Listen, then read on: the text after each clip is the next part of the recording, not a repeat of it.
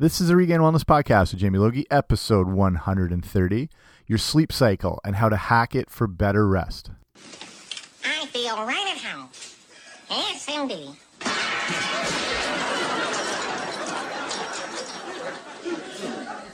Did I do that?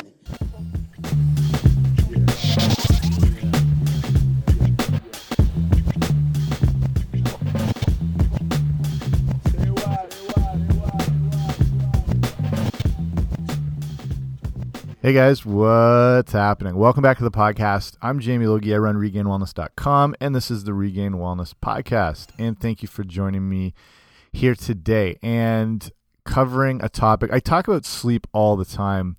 Um, it's probably everyone's always looking for like that, you know, magic pill, magic bullet, like the number one, you know, some way to take control of their health, their wellness. It's it's in it's sleep. It's it's hands down. If it's called what they call the force multiplier. If things are not being taken care of in your life, you know, health wise, nutrition, exercise, all that sort of stuff, getting less sleep accentuates those even more so and makes them much worse. Um, on the same, on the flip side, if you are, you know, exercising well, good water intake, eating clean, the ability to get good sleep enhances that even more so. So that's what I mean by force multiplier. It affects whatever um, kind of condition you're looking at. So, I'll, like I said, I've talked about sleep quite a bit, but I'll be doing a few episodes on specific things. Um, I've got some cool shows coming up, a couple actually amazing interviews, which will be up soon as well too. So look out for those.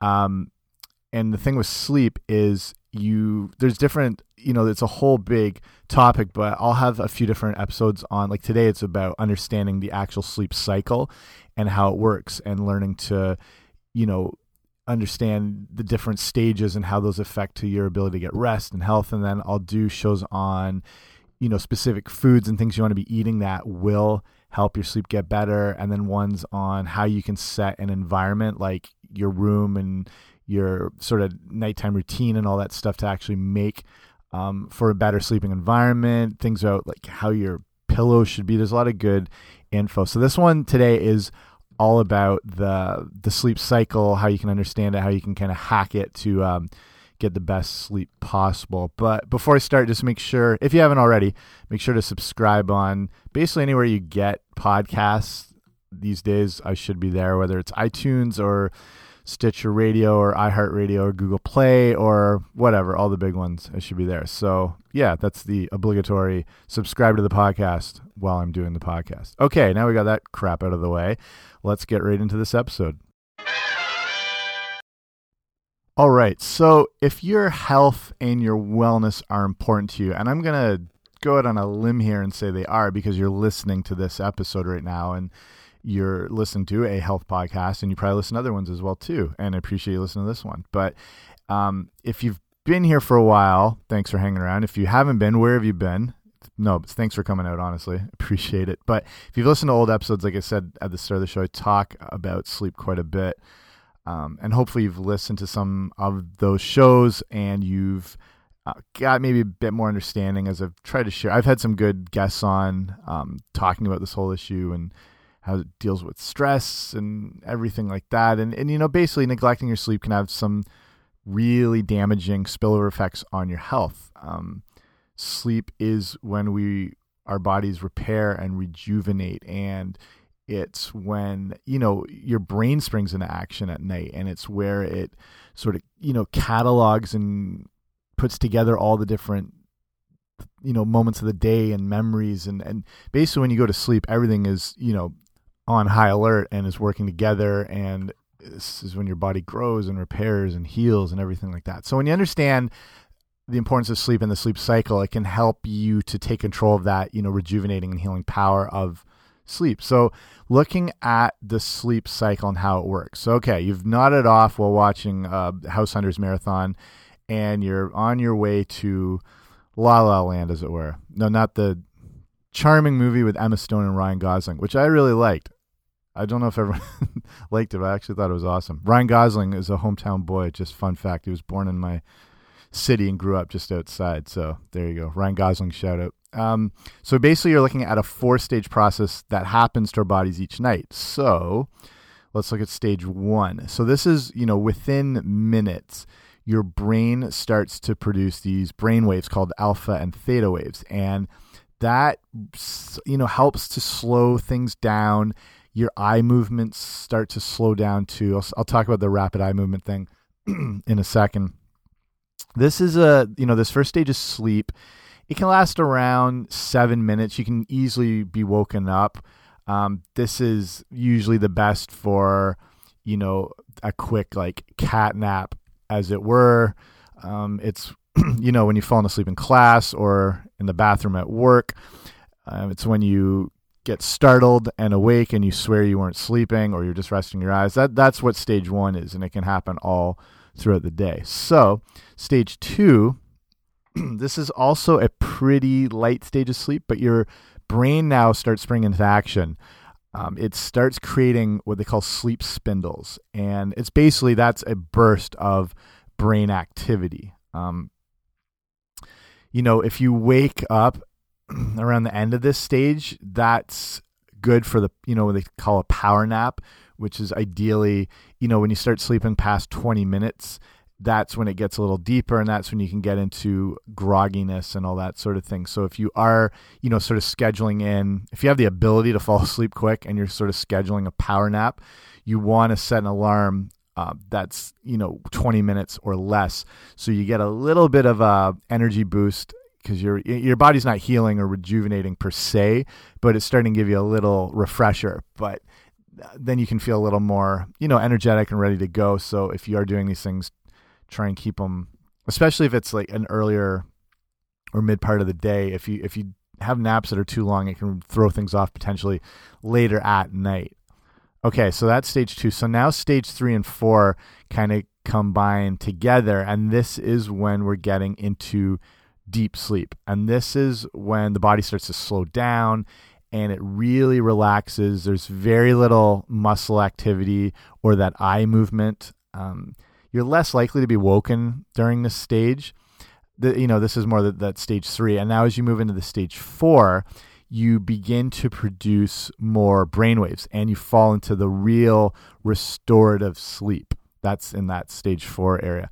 When it comes to your health and your wellness, um, your fitness, your exercise, like all that sort of stuff. This stage is critical as it's when you start repairing muscle and tissue. And if you're in the goal of you know building lean muscle hopefully you are working out training the whole deal whatever it is whether you're in the gym or you're hiking or you swim or you do yoga or you're playing pickup sports whatever your muscles get bigger when the muscle tissues are broken down like torn down in these little sort of microscopic tears that's what you're doing when like you're lifting weights you're breaking down the tissue when it rebuilds is when it gets bigger and stronger and you do that with a combination of you know adequate protein to repair, water, other nutrients, but sleep. That's when your muscles grow. So, I mean, as much as you think you're building muscle in the gym, no, you're actually building them as you sleep. So, it's, you know, this last stage four is critical for the repair of muscle and tissue, and it also stimulates growth um, and development. That's when you boost your immune function you set your energy up for the day. Um, it's you know if that's why if you are getting run down and sick and stressed, you want to make it a priority to get more sleep because when you are sick, your immune system is down. Um, when you're not sleeping, you're basically kicking it right in the head while it's down. So you want to boost that immune function. Make sure you're getting more sleep. So if you feel sickness coming on, or if you're you know already in it, make sure you get more sleep. It's not being lazy. It's not being idle, it's actually repairing and healing your body. Unless you want to be sick longer and longer and have it last with worse symptoms, that's what you're going to get when you don't sleep. So, getting into the the eye movement um, and you know how that determines when we will actually you know dream and all that sort of thing too we're talking about REM and not the band, which I'll just say it. I hated REM. I'm not a fan. I know everyone loves REM. Didn't do it for me. Sorry, not sorry. But REM is, you know, rapid eye movement, and you enter into this at around 90 minutes into sleep. So this is now where your brain is super high alert, super active.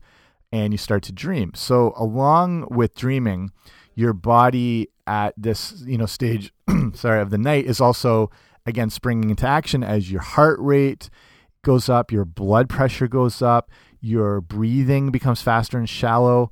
Um, each of these REM phases can last around an hour, and typically you have four to five of these cycles each night, ideally. So, and you know the this rapid eye movement stage, this REM stage, isn't just about you know dreams of you showing up naked to school or writing an exam that you're not prepared for or whatever, but it actually serves an important function, and it, it's interesting how all this is connected and why we actually dream. But when you are dreaming, this is kind of a, a period of sleep where your memory is improved and you like this dreaming stage plays an important role in memory and then think like your learning function um, this is when your brain processes and consolidates information from the day before so it can be stored in your long term memory such as the fact you love this podcast and you'll tell all your friends about it. You know, hopefully that'll go into your memory banks tonight and you'll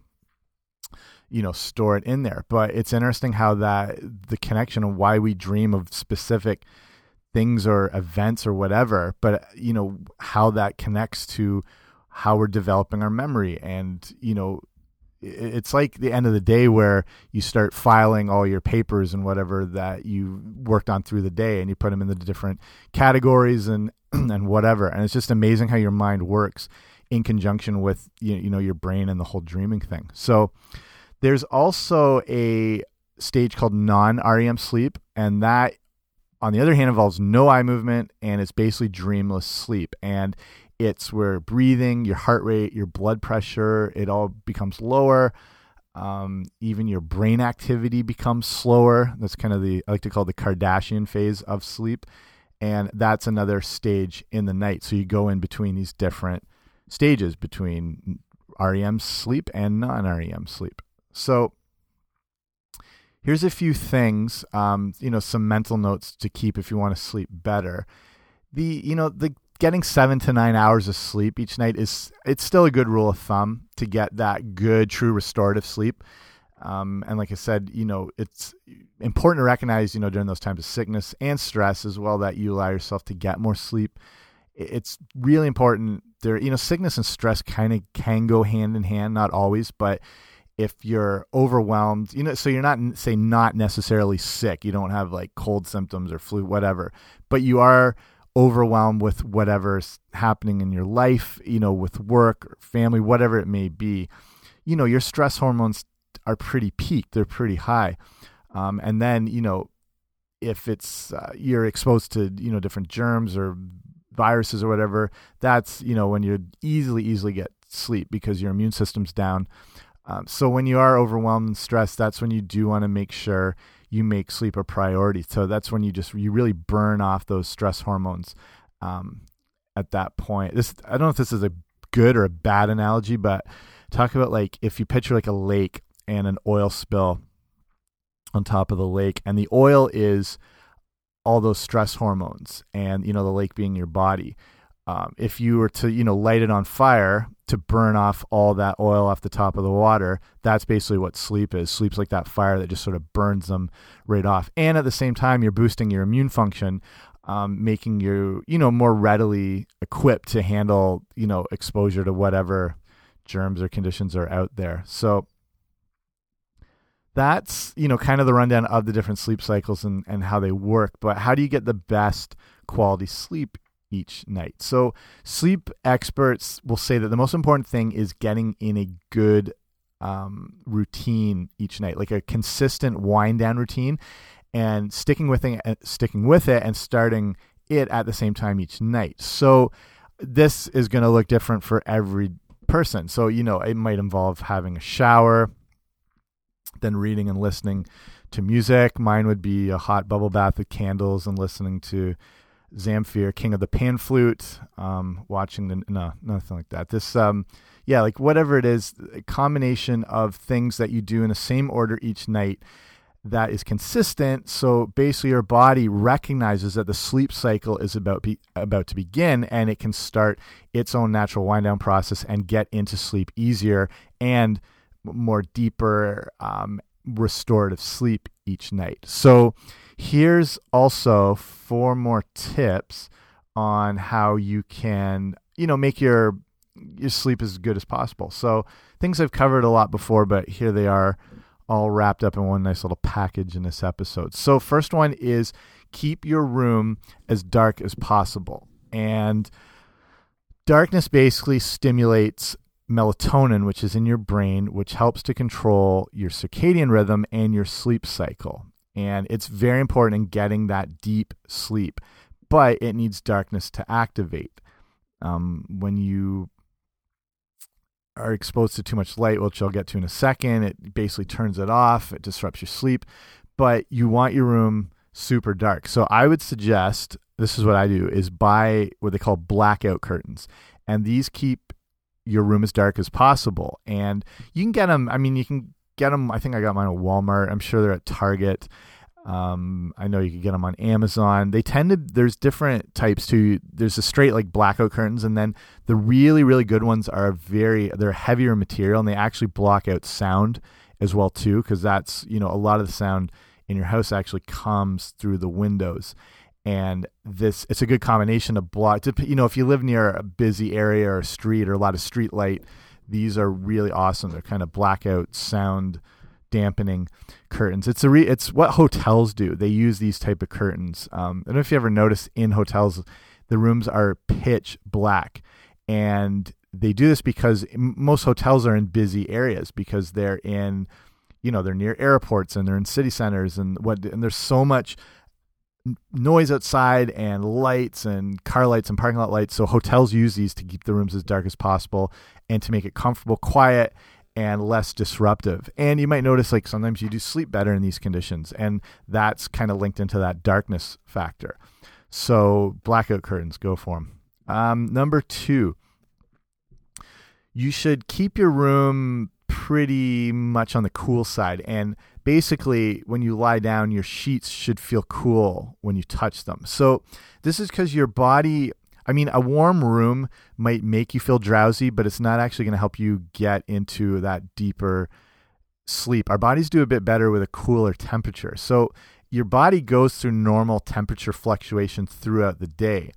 And when you fall asleep, your body actually naturally starts to cool off. So you can help your body get to that lower temperature quicker, which means quicker sleep and deeper sleep by keeping your room cooler. So there's not a specific temperature, but like I said, if you if your sheets feel kind of coolish to the touch when you lie down, that's probably where you want to be. You might, I mean, depending where you live, you might want to keep your windows open to keep your room cool, and then you know close them up later. But just kind of have it a bit cooler than the rest of your house is a good rule of thumb, um, just to help your body get into that natural sleep cycle with the temperature. So Okay, so the third thing, which is related to the darkness I was talking about, is cutting out specifically blue light at least one to two hours before bed. I'm going to link up, I have specific shows on just these individual topics. So things on stress, things on blue light, like, you know, entire shows, um, the darkness thing, melatonin. So I'll like, I'll link up on the show notes, which is on my website, which has all the information I talk about in this episode. So, kind of the after party, if you will. And it's that's regain wellness regainwellness.com slash 130. And I'll have, if you just, if you wanted to learn more on some of these different topics and, you know, go a little more in depth on them, that's where you'll find a link for, I mean, you can search back through the episodes, but this is sort of in one convenient place. So regainwellness.com slash 130. So this one is the blue light, and we're wanting to cut this out around one to two hours before bed. So, like I said, in the same way darkness stimulates melatonin in the brain, blue light disrupts it. And blue light is what comes from the screens of our electronics. So, your phone, your iPad, your TV, which tend to be the ones we'll always be using. And that this can cause a real disruption in your sleep. So you want to try and avoid them the few hours before bed. This is different than other forms of lighting, like light bulbs or street lights or whatever, which give off more of a yellowish, orangey glow. Uh, it can still have an impact on disrupting your ability to sleep, but blue light specifically is almost the same intensity and impression on our eyes as the sun at the in the middle of the day. That's how intense blue light is.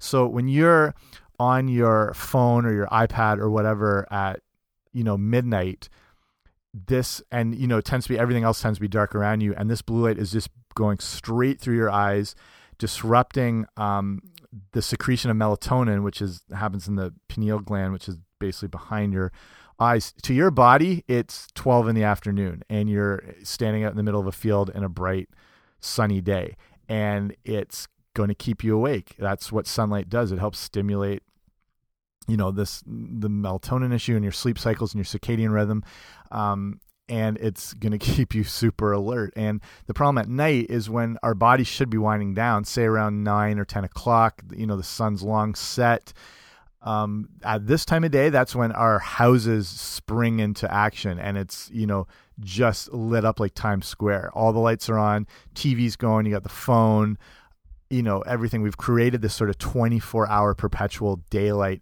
situation, and it's really screwing up our sleep. And specifically, it's one thing if it's, you know, light bulbs and candles, whatever, that's a, a sort of different light. But this blue light is like the sun, and you can tell, like, if you drive by houses late at night, you can tell the difference between a house that has just you know light bulbs on it's got more of that warmish glow compared to a house where you can see you can actually see the blue glow coming from the living room because of them watching TV and it's the same thing just on a smaller scale with your phone or your tablet or whatnot. And it's um, you know when you're looking at electronics especially like you know a flat screen HD TV a 4K TV anything with a retina display um, basically any phone.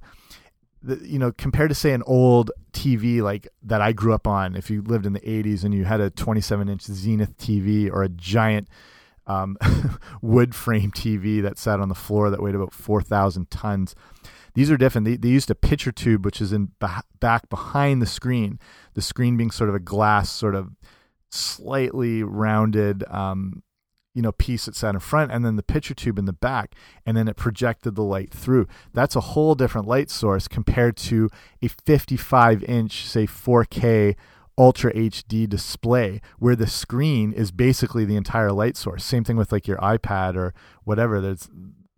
That's that type of light is way more intense and it's much bigger. So, you know, the biggest TV, like I said, I remember having a 21 inch TV and that thing being massive when we were kids. And when we got a 27 inch, like, holy crap, we got a movie theater in our house now. I have a 55 inch TV, which is absolutely massive. So, this blue light issue has only come up in the last decade or so.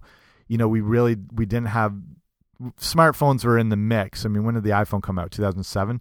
Um, you know everyone's got a smartphone the smartphone now tablets the t like these weren't all readily available. You know say okay 10 years ago but like 15 20 years ago let alone 30 years ago we didn't have this issue with blue light like we have it now. So it's really created a lot of um, disruption.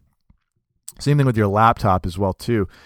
Um, so there's a few things you can do to minimize this blue light. First is, you know, cut them out completely. If you can cut out an hour or two before bed, much better for your sleep cycle and everything like that. If that's not always possible, say if you're okay, you have to be doing work on your laptop or you've got to scroll through Tinder or be on Facebook or whatever in the wee hours, at least with your laptop, there's a program called FLux, so F.lux.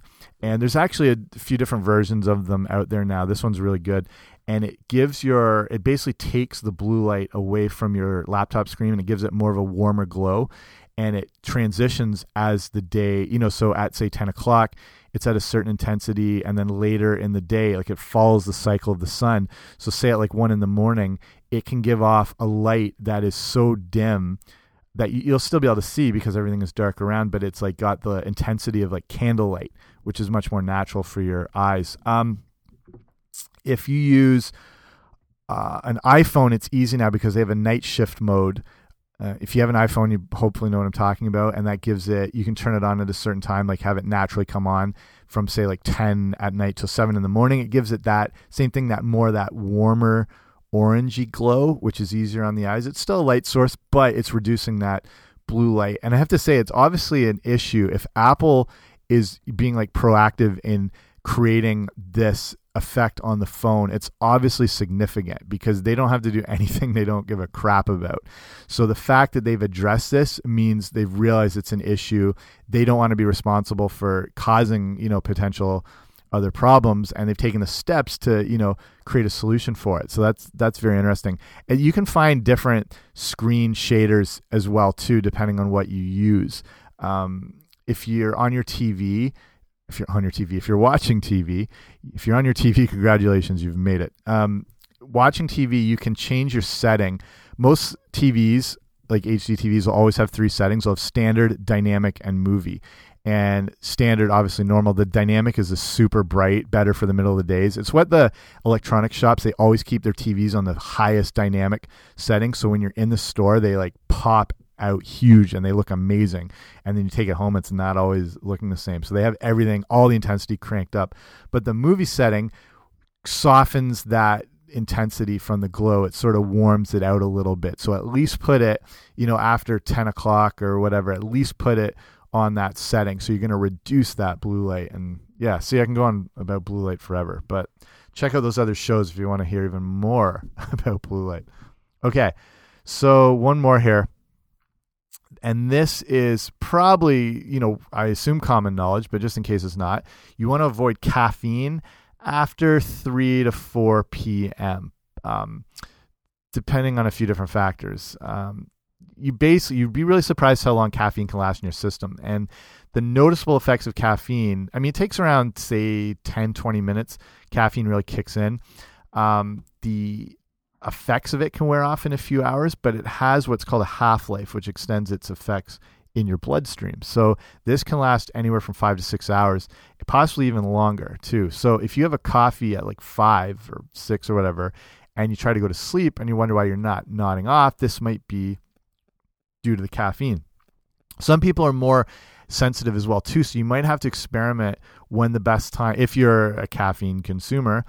Um, you're going to have to maybe experiment when the best time is to cut it off for yourself. It might be, you know, one in the afternoon. Noon, it might be two. You know, if you're having trouble with your sleep, it's a good idea to sort of diary and journal what you've done that day. So, like when you exercised, when you ate, when your last meal was, when your coffee was, and have a look at those different things. And then you can try and back it off. But caffeine is a real disruptor. It actually does have health benefits, though as long as it's from a natural source, obviously real coffee, green coffee bean um, extracts, green tea extract, it, it can provide some health benefits, but you don't want to go nuts with it, especially when it comes to sleep. Okay. So that's um, you know, kind of it. Hopefully you can, you know, get this understanding of your sleep cycle and how to make sure you're taking the right steps to get proper sleep and you know making it easier on your body with some of those things I laid out. Um, if you know if you're fit and active, sleep is crucial for getting healthier and stronger and fitter. Um, and you know performance if you're in sports. Um, it's very crucial. Some people, you know, some people are just genetically wired that they can get by without any sleep, and that baffles me. That would be an amazing thing. I personally, I can't. I just, I need a ton, or I'm an absolute mess. And you know, some people. I always think of uh, Gordon Ramsay, Chef Gordon Ramsay, if you know him. He gets apparently four hours sleep a night, and works. You know, it's a bit different now as he's more of like a celebrity and whatnot. And but as a you know chef and you know building his empire, and I guess still doing that the amount of hours he would work and and his idea was that by only sleeping 4 hours a night by the end of the week he had an extra 24 hours of time available to you know to further everything he'd be doing. And there's just some people that can get by without sleep, and it's amazing. I don't know if in the long run that's good for them, but um, you you know if you're that person or not, and whether you need it or not. So you know, make it a point to try and get around that you know that seven to nine hours. And, and same thing, you know, it's good to sort of document and journal where you're at just to sort of identify things and see where you are. You know, you might feel you're you do better on seven hours compared to eight, or you know, you're better on six and a half. You know, just play around with it and just you know, kind of keep track of like